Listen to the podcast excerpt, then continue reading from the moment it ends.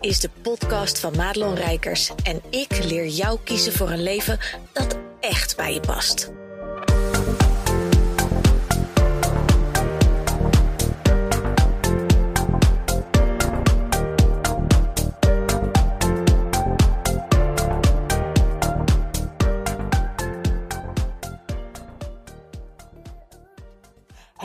Wat goed dat je weer luistert naar deze podcast. En een tijdje geleden heb ik iets gezegd over de term projecteren. En als je in de coaching zit, of je bent een oud hulpverlener, of je hebt iets met psychologie gestudeerd, dan ben je die term vast wel eens tegengekomen.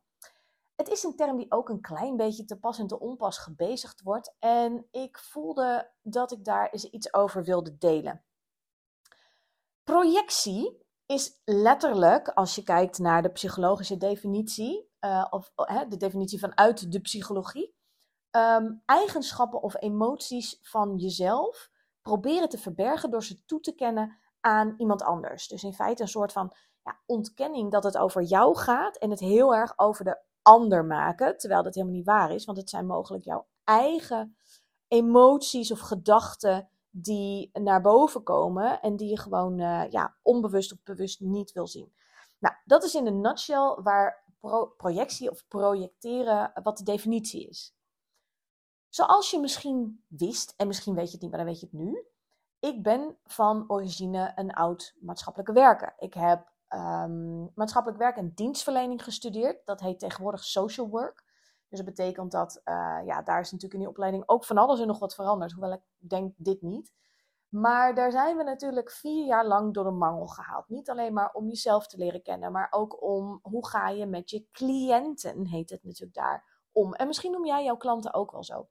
Ik heb een bedrijf, dus ik noem mijn klanten gewoon klanten.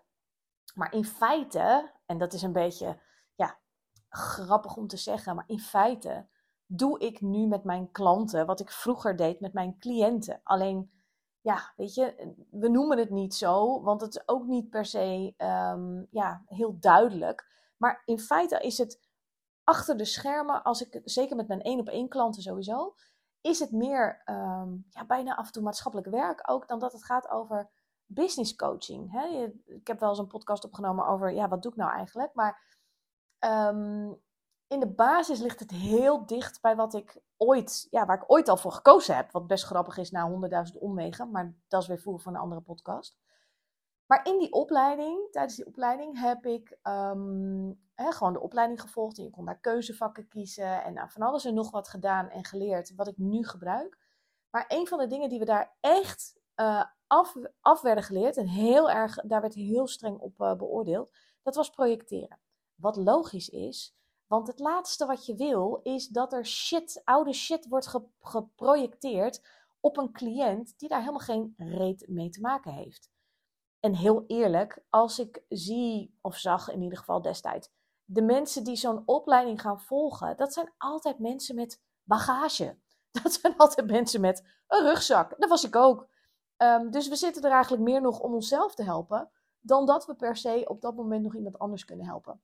En ik geloof wel heel erg dat als je een mensenhelper bent, dat zijn heel vaak de mensen die een bepaald leven hebben geleid en die um, ja, bepaalde dingen hebben door moeten maken om anderen daarmee verder te helpen. En ik ga zo meteen ook de combinatie maken met mediumschap, want daar kwam die term ineens weer terug. Ik kan me wel nog heel goed herinneren dat ik uh, net begonnen was en toen was ik aangehaakt bij een of andere workshop. En toen zei ik iets eigenlijk best wel open en kwetsbaar over nou, wat ik ingewikkeld vond. En ik had op dat moment iemand, een klant, die, nou ja, eh, eh, daar ging iets niet helemaal lekker. En ik was dat heel even onder gelijkgestemde aan het ventileren. En iemand begon echt naast me te gillen. Oh, je bent aan het projecteren hoor, je bent aan het projecteren. En ik dacht alleen maar, hou je bek. um, want ik dacht, als ik hier niet gewoon even kan vertellen. Ik weet wat projectie is dit gaat helemaal nergens over mijn eigen emotie plakken op de ander. Dit gaat gewoon over de situatie. En ik wilde gewoon even vragen, hoe gaan jullie daarmee om? Nou ja, anyway.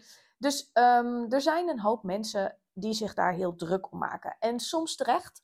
Want nogmaals, het is niet de bedoeling dat we onze oude shit op iemand anders gaan zitten plakken en denken dat, dat het hun shit is, terwijl het eigenlijk over onszelf gaat.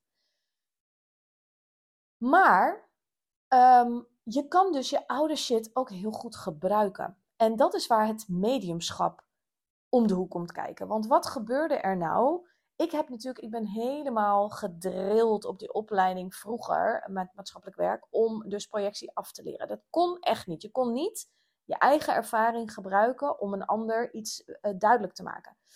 Totdat ik dus bij mediumschap uitkwam. Daar was het precies het tegenovergestelde.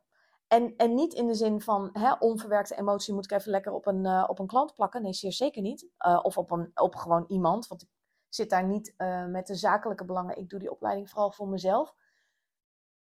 Maar zij zei dus, mijn juffie, juist, um, juist jouw eigen ervaringen, alles wat jij, jouw verleden, de manier waarop je in het leven staat, jouw geschiedenis, al jouw verlangens, je passies, alles wat jij weet en kent en hebt doorleefd, daarmee ben jij dus een hele goede vertaler voor een ontvanger. En dat betekent dat op het moment dat jij, nou in mijn geval, ik laat ik het even bij mezelf houden. Op het moment dat ik mijn mediumschap beoefen en ik maak contact met de andere kant en, en ik heb contact met een overleden dierbare van iemand uit de groep, want vooralsnog, voorlopig zijn we lekker aan het oefenen op elkaar super magisch is, echt waar. Ehm, en, dan moet ik altijd lachen, want dan zit ik daar op een vrijdag. En dan zijn we klaar. En dan zit ik in de auto en dan denk ik, wie heeft nou zo'n vrijdag? ja, wij. Uh, ik kan er zo intens van genieten. Ik denk, sluit ons op, jongen. Wij, wij, wij kunnen ons gewoon wel een weekend daarvan maken. Want het is zo bijzonder. En dat is dan allemaal eigenlijk nog onder de vlag van oefenen en trainen. Maar doordat jij jij bent en ik ik, uh, zijn we dus een, een hele goede vertaler. Want jij hebt een bepaald woordenboek meegekregen. Dat is hoe mijn juffie het zeg maar vertaalt. Dus het betekent dat al jouw ervaringen van het leven hebben gemaakt dat jij op een bepaalde manier om zal gaan met de boodschap van een overleden dierbare. En dat betekent dus dat eigenlijk je juist al je eigen ervaringen, et mee moet nemen om Ehm, de vertaling te kunnen maken van een boodschap voor de ontvanger. En dat is best wel ingewikkeld, want dan ga je dus soms op het snijvlak zitten van ja, waar, waar ben ik nu met mijn eigen emotie bezig? En als je goed intuned en je zit goed in de juiste frequentie, uh, je houdt het lijntje zuiver, dan, dan is het juist um, de juiste boodschap. Heel vaak heeft dat dus heel veel overlap. Ik hoop dat je het nog begrijpt wat ik probeer uit te leggen. Maar heel vaak heeft dat dus overlap met jouw eigen ervaringen. Waardoor, en dat is wel fijn dat we dat natuurlijk in een veilige setting kunnen oefenen. Want ja, dat is gewoon super fijn als je je veilig voelt. Want het is echt een kwestie van, ja, vertrouw nou maar op wat je moet delen. En je begint maar gewoon met praten en je denkt, nou, dit slaat nergens op.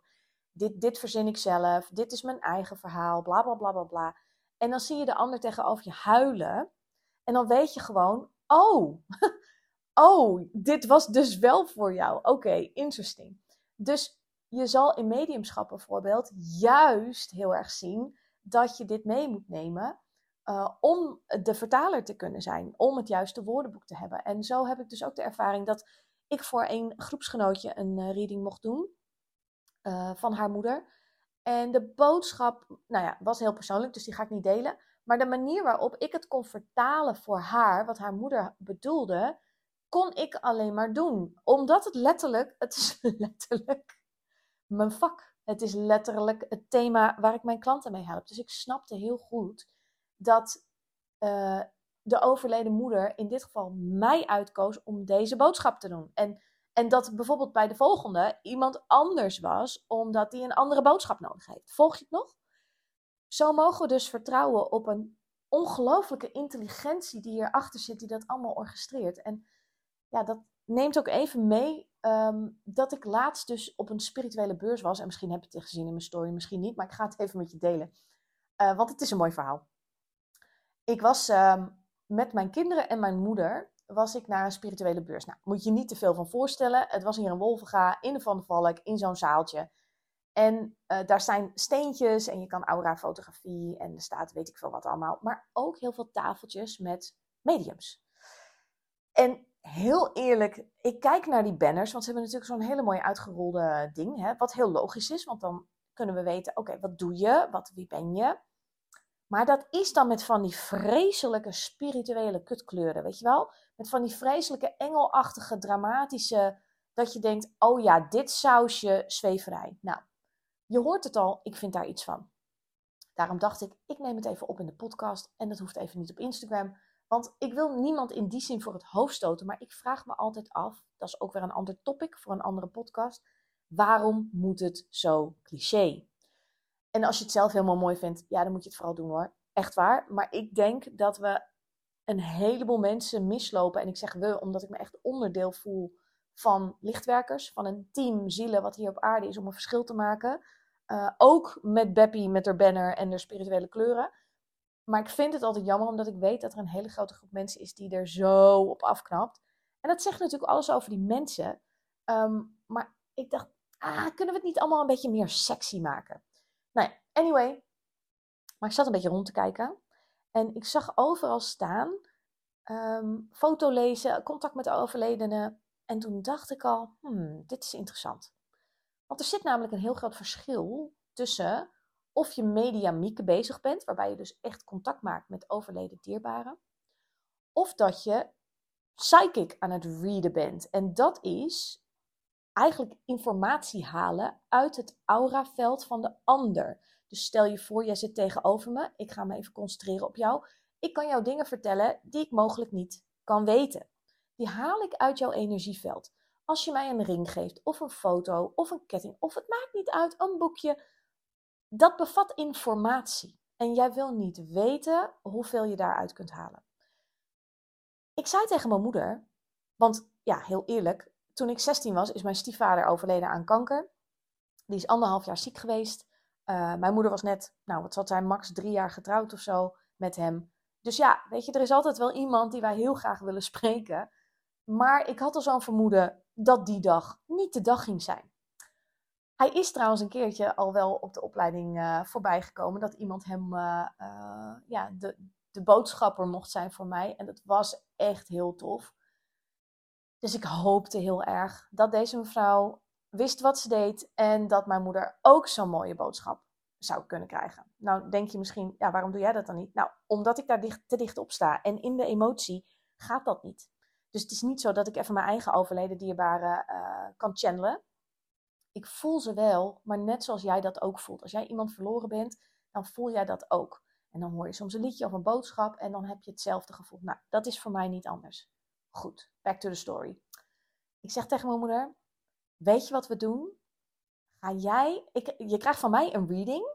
En dan ga, ga, jij luisteren en dan ga ik kijken hoe ze het doet. Nou, zo gezegd, zo gedaan. 20 euro. Ik denk, dit wordt lachen, dit wordt lachen. Dus wij zitten bij zo'n dame. En die, die, zei, die begon al van, nou, voor wie is de reading? Nou, prima. Voor mijn moeder, oké. En ze zegt, um, nou, wie wil je spreken? Nou, dat was al een beetje gek. Want als er een boodschap voor je is, dan is diegene die de boodschap moet brengen, die is er al. Daar mag je echt op vertrouwen. En daar ging mijn wenkbrauw al een beetje omhoog, dat ik dacht, oh, dit is een psychic reading, dit is, heeft niks te maken met een overleden dierbare. En laat ik vooropstellen dat ik geloof dat de intenties van deze dame oprecht waren, maar dat het een onbewuste onbekwaamheid is in het verschil niet kennen tussen psychic readen en het mediamieke contact maken. Wij worden daar op de opleiding mediumschap echt in gedrild en terecht, want er zit duidelijk verschil. Je bent echt met mensen bezig. En als je zegt en claimt iemands overleden dierbare te spreken, dan moet je met fucking bewijs komen. Want nogmaals, dit, dit is heel precair. Wat je doet is prachtig, maar het is heel precair. En ik ben heel erg blij dat onze juf daar zo streng op is. Uh, want ik begreep, ik zag dus nu letterlijk wat er gebeurt. En gelukkig had ik mijn moeder al, al voorbereid daarin. Dus wie wil je spreken? Nou, uh, man, man overleden. Nou, uh, heb je een voorwerp? Dus mijn moeder die wilde haar ring laten zien. En ze kun je die even afdoen? Nee, zegt moeder, dat gaat niet. Oh, nou, heb je een foto? Nou, ik zeg, mag het ook op de telefoon? Ja, dat mag ook. Dus ik heb een foto op mijn telefoon. Zat ze met die telefoon in de handen. Ik denk, nou, kom maar door. Ja, en toen begon ze over dingen. Is hij plotseling overleden? Nee, want hij had kanker. Dus nee, dat was niet heel plotseling. Uh, is de dood altijd plotseling? Ja man, tuurlijk. Tenzij je iemand euthanasie pleegt en je staat er letterlijk bij. In alle andere gevallen kan ik je verzekeren, uit ervaring, dat het je nog steeds overvalt. Al zit je er een week op te wachten omdat iemand weggeteerd is tot 38 kilo, dan overvalt dat moment je nog steeds. Maar goed, maar dat is informatie die haalt zij uit de foto en niet uit um, de overleden dierbare. Dus toen begon ze tegen mijn moeder over, ja, wat wil je vragen? En dat is eigenlijk raar, want daarmee ontlok je natuurlijk al heel veel informatie en dat moet je niet doen. Als je een reading geeft, dan moet je gewoon de informatie tappen van de overleden dierbare. Die geef je gewoon door. En het enige wat je vraagt is, herken je dat? Of kan je dat plaatsen? Of, en dat je soms vraagt, heeft hij uh, dit of dat gedaan? Of herken je dit of dat? Hij laat me zo en zo iets zien. Um, is daar iets mee? Nou, dat soort vragen stel je. Maar deze vrouw kwam steeds weer terug op algemeenheden. Er was nul bewijs. Dit had werkelijk over iedereen kunnen gaan die iemand verloren had. Ze zegt op een gegeven moment zelfs tegen mijn moeder: Oh, was je zijn moeder? Dus mijn moeder die kijkt een beetje naar mij en naar die vrouw. Mijn moeder heeft nogal een sceptische blik. Laat ik het zo zeggen, aan haar gezicht kun je meer nog aflezen dan wie dan ook ter wereld uh, wat ze ergens van vindt. Nee, zegt ze, dat was ik niet. Ja, zegt ze, moederrol. En nou, uiteindelijk met een beetje vage gok was er net zo'n soort char. Is het een M? Is het een P? Kwam ze erop, oké, dan heb je hem verzorgd, dus dan was het wel een moederrol. Nou, zwaar, consensus. Ze zegt op een gegeven moment, en, en dat vond ik wel kwalijk, want dat, dat doe je niet. Dat is echt een no-go. Ehm, als je me vraagt, zegt ze tegen mijn moeder, is hij gelukkig? Nee. Want hij zit nog veel te veel verbonden aan het aardse leven. Is er hier iemand die aan hem trekt? Waarop mijn moeder natuurlijk zegt, ja, ik.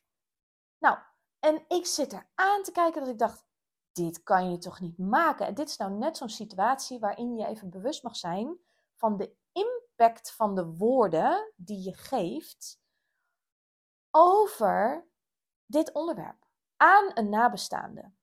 Want met welk gevoel denk je dat iemand anders weggelopen was? Dus we hebben dit nog nagesproken, mijn moeder en ik. Dus gelukkig uh, kunnen we dat wel, kunnen we er ook wel om lachen. Maar het is eigenlijk heel kwalijk.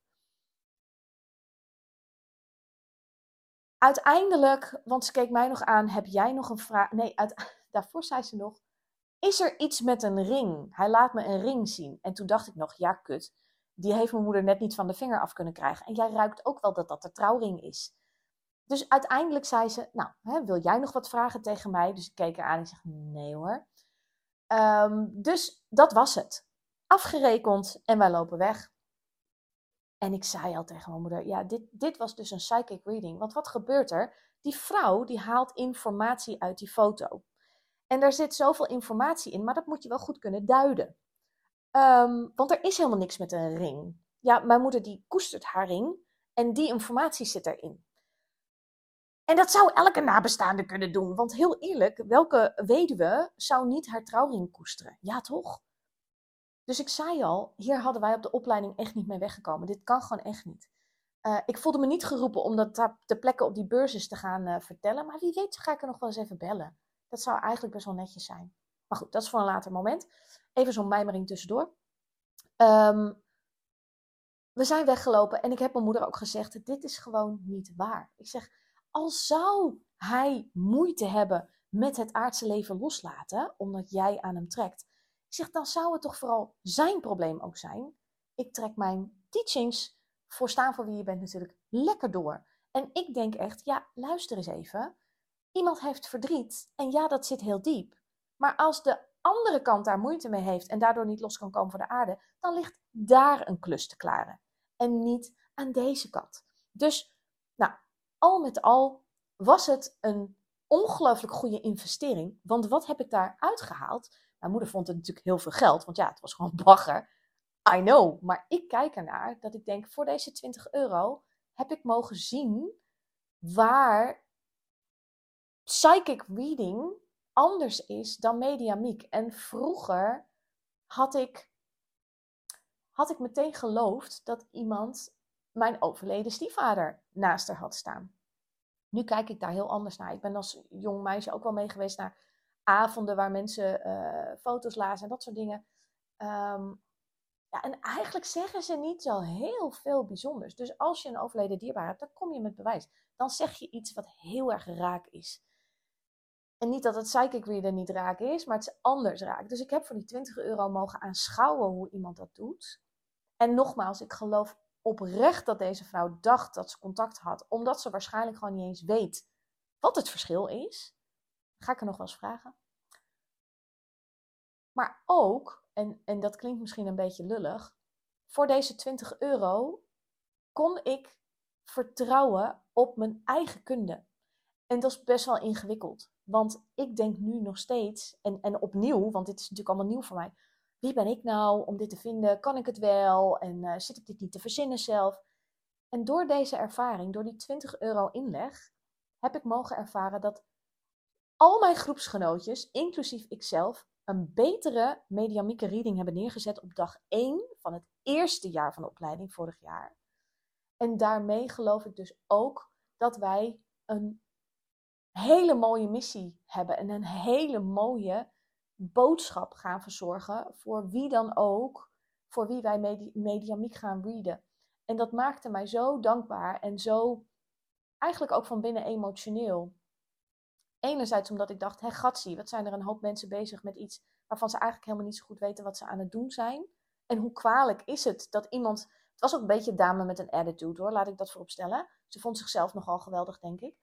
Maar dat was het gevoel wat ik kreeg. Ehm, maar wat is het toch een ongelooflijk mooie gave. En iedereen heeft deze gave, maar je moet hem trainen. Je moet weten hoe het werkt. Dit is in feite gewoon techniek. En wat als er een dag komt, en dat geloof ik wel, dat ik mensen boodschappen mag gaan geven van, van hun overleden dierbaren. En ik zit daarover te denken, mijn juffie die adviseert ons ook, als je, als je uh, demonstraties wil gaan geven, zoals dat heet, hè, dus voor groepen, uh, ga dan huiskameravonden organiseren, of middagen, weet ik veel. Dat je met een klein groepje gewoon intiem, um, veilig kan kan trainen met, met het spreken, mediamiek spreken voor publiek. Nou ben ik natuurlijk niet te bang om voor publiek te staan. Maar om daar eventjes je, zogezegd, je kunstje te vertonen. Want ja, mensen komen toch kijken met, oh, zit mijn moeder erbij? Zit mijn vader erbij? Zit mijn kind erbij? Zit mijn, hè, vul je eigen overleden dierbare maar in erbij. Ja, dat is nogal, dat geeft nogal druk. Want ik, als doorgeefluik, moet in een goede energie zitten. Ik moet de juiste frequentie aanhalen. En daar worden we in getraind. En ik weet zeker dat ik dat kan. Maar het is ook heel spannend. Want wat als je het niet kan leveren? Dat zal vast wel een keer gebeuren. Deze vrouw leverde sowieso niet. En ik kan me voorstellen dat iemand anders dan mijn moeder had gedacht: Oh, ik heb een boodschap gekregen voor mijn overleden dierbare. Dus die zal waarschijnlijk blij de deur uit zijn gehuppeld. Maar wij niet. Wij niet. En ik denk dat daar nog een hele mooie slag te maken is. En ik voel me heel dankbaar dat ik dat um, kan doen. Maar topic van deze podcast was natuurlijk de projectie. projectie is dus in feite in je vak, ook als coach, zelfs al heb je het op coachopleiding, heb je het gehad, ehm, was het, is het nodig om de ander, jouw ideale klant, ook te voorzien van gelijkgestemdheid, van resonantie, van de juiste woorden, van de boodschap. Want ik denk dat iedereen in ons vakgebied, als je een beetje goede coach bent, dan ben je afgestemd op de ander. Dan wil ik niet zeggen dat je, dat je uh, mediamiek bezig bent of dat je de boodschappen ingefluisterd krijgt. Maar doordat je je eigen ervaring hebt, kun je dus de woorden geven aan dat wat, wat er verteld mag worden. En ik denk dat je zelf altijd heel zuiver mag zijn in wat is het nu wat er gebeurt? Ben ik iets aan het projecteren op de ander wat van mij is, waar ik naar mag kijken? Of ben ik bezig met mijn ervaring delen voor de ander om uh, een boodschap over te krijgen? Nou ja, anyway. Ik, um, ik denk dat het belangrijk is dat je, dat je durft je te uiten, dat je durft jouw eigen ervaringen mee te nemen, maar dat je dus ook durft om dat in content te gebruiken. En net zoals ik nu in deze podcast eigenlijk iets heel privés deel, uh, wat mij is overkomen of wat ons is overkomen. Het is natuurlijk iets wat gewoon een, een typical Sunday uh, verhaal is. Nou ja, dat zeg ik gekscherend hoor, want het is niet heel typical. Maar voor ons is dat normaal. Dat ik mijn kinderen meeneem is normaal. En ik deel daarover omdat ik wil dat het normaler wordt. Ik wil ook dat het meer sexy wordt. Maar dat heb ik niet helemaal in de hand. Ik doe gewoon mijn eigen dingetje daarin. Ik doe het op zijn madelons delen met de wereld. Zeker de spiritualiteit ook. En ik weet inmiddels uit ervaring ook hoe dat gewaardeerd wordt. En dat we dus op die manier, en ik hoop dat jij eigenlijk dat als onderliggende boodschap ook meeneemt uit deze podcast. Als jij ook wat meer hè, jouw spirituele kant deelt en wat meer van jezelf ook deelt, dat je nog meer mensen kunt helpen. Want ook de mensen die nooit iets bij je zullen kopen, maar die wel heel erg kijken wat je doet en je volgen en daar troost, steun of hulp uithalen, die zijn ook belangrijk. Nou, vind je het nou ingewikkeld? Vind je het spannend? Denk je, ja, ik voel me wel spiritueel, maar ik weet er eigenlijk geen woorden aan te geven. Ik weet niet hoe ik dat in mijn bedrijf moet integreren. Ze zien me thuis nog aankomen met mijn dingetjes. Zo'n edelsteentje, dat trekt iedereen nog wel. Maar wat als je meer wil dan dat? Nou, als je dat lastig vindt, haak dan aan bij mijn masterclass Staan voor wie je bent. Want niet alleen maar gaat dat over hè, hoe pak je gewoon je nummer 1 marktpositie en, en kom je opdagen als authentiek jezelf, waardoor je meer leukere, beter betalende klanten ook aantrekt. Want hé, hey, daar hebben we een bedrijf voor. Maar ook hoe zorg je ervoor dat je thuis meer je grenzen oprekt, dat je meer tijd en ruimte voor jezelf kunt pakken. Maar ook dus hoe zorg je er nou voor dat je jouw eigen spiritualiteit wat meer kunt uiten. Heeft allemaal te maken met dit onderwerp. Ik zorg ervoor dat de link om je gratis aan te melden direct in de show notes staat. Uit mijn hoofd weet ik even niet wanneer deze podcast geplaatst wordt, wanneer de eerstvolgende masterclass is, maar als je op die link klikt, dan staat de juiste datum en tijd daar genoteerd. Ik zou het tof vinden om je erbij te hebben. Kun je me ook vragen stellen. En ehm, voor de rest wens ik jou in ieder geval een hele fijne dag. Goed dat je luisterde naar deze podcast. Wil je meer van mij weten? Check dan snel mijn Instagram of kijk op www.madelonrijkers.nl.